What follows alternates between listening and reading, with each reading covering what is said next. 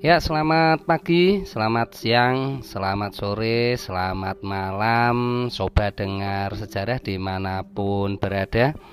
Jumpa lagi dengan Pak Bahtiar ya Di kanal podcast kesayangan kita Yaitu Sobat Dengar Sejarah. Oke, pada kesempatan kali ini saya masih akan mengulas tentang tokoh-tokoh uh, yang berjasa besar pada uh, penyelenggaraan Kongres uh, Pemuda yang kedua yang melahirkan ikrar Sumpah Pemuda. Oke. Setelah uh, saya mengulas tentang Ketua Kongres Sugondo Joyo Puspito dan Sekretarisnya Muhammad Yamin, kali ini saya akan mengulas tentang sosok yang menciptakan lagu Indonesia Raya. Siapakah dia? Ya, dia adalah WR Supratman atau nama lengkapnya adalah Wage Rudolf Supratman. W.R. Supratman eh, lahir di Purworejo eh, 19 Maret 1903. Tapi ada juga yang eh, beberapa sumber menyatakan bahasanya beliau ini lahir di Batavia.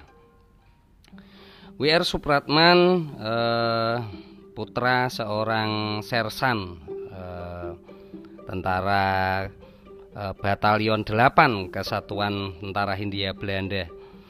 Eh, pada tahun 1914 beliau mengikuti kakaknya pergi ke Makassar. Beliau kemudian disekolahkan oleh eh, suami dari kakaknya yaitu Ibu Rukiem ya, yang merupakan eh, seorang keturunan Indo Belanda nah, yang bernama Willem van Eldik. W.R. Supratman sempat belajar bahasa Belanda di sekolah eh, sekolah malam ya. Nah, jadi sekolah yang eh, jadwalnya dijadwal pada malam hari selama tiga tahun. Setelah itu eh, beliau melanjutkan ke normal school eh, di Makassar dan berhasil mendapatkan ijazah ya sebagai uh, setingkat uh, pejabat uh, Belanda ya, yaitu ijazah Klein Amtener. Selanjutnya uh, W.R. Supratman pindah ke Bandung dan uh, bekerja sebagai wartawan di surat kabar kaum muda dan kaum kita. Profesinya sebagai wartawan tetap dijalaninya meskipun beliau Eh, kemudian berpindah lagi ke Jakarta. Pada saat menjadi wartawan, eh, WR Supratman tertarik dengan pergerakan nasional. Beliau eh, mulai aktif dan banyak bergaul dengan tokoh-tokoh pergerakan. Selain itu, beliau juga pernah menulis sebuah buku yang berjudul Perawan Desa. Namun, buku tersebut disita dan dilarang keras oleh pemerintah Belanda beredar.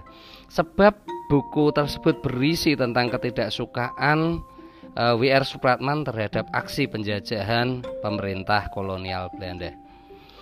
WR Supratman sangat senang uh, bermain musik ya, uh, saat tidak ada uh, aktivitas. Kemahirannya bermain musik ini didapatkan dari kakak beliau yaitu Ibu Rukiem.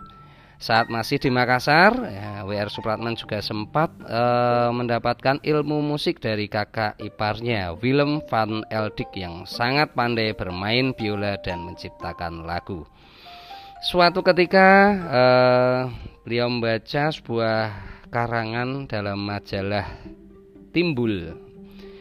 Penulis karangan itu menantang para ahli musik Indonesia untuk menciptakan lagu kebangsaan.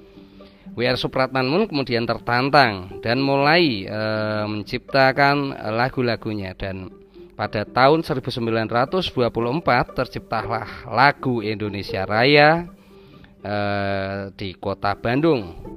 Tepat saat usianya menginjak 21 tahun.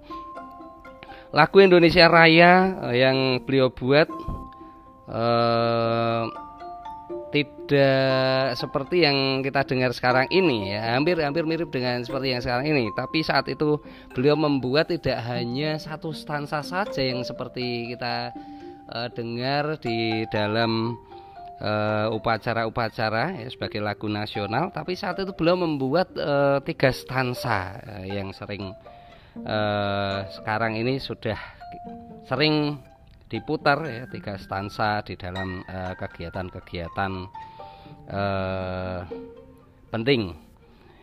Dan pada tanggal 28 Oktober 1928 Lagu Indonesia Raya diperdengarkan secara instrumental menggunakan alat musik biola e, secara umum dalam Kongres Pemuda II.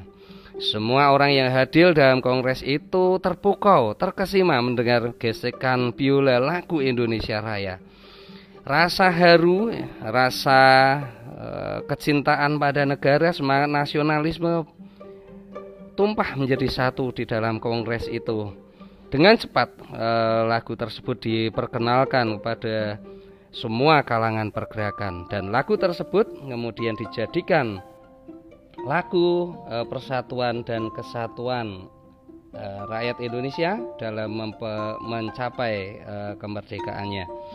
Akibat menciptakan lagu Indonesia Raya tersebut, W.R. Supratman kemudian selalu diburu oleh polisi Hindia Belanda sehingga beliau harus berpindah-pindah dari satu kota ke kota yang lain sampai akhirnya beliau berpindah di kota Surabaya beliau juga sempat menciptakan lagu terakhir yang berjudul Matahari Terbit pada awal Agustus 1938 W.R. Supratman akhirnya ditangkap uh, ketika menyiarkan lagu tersebut bersama pandu-pandu pramuka di Nirom eh, Jalan Embong Malang Surabaya. Selanjutnya beliau ditahan eh, di penjara Kalisosok eh, Surabaya. Sayangnya pada tanggal 17 Agustus 1938 beliau wafat sebelum dapat merasakan kemerdekaan yang beliau cita-citakan.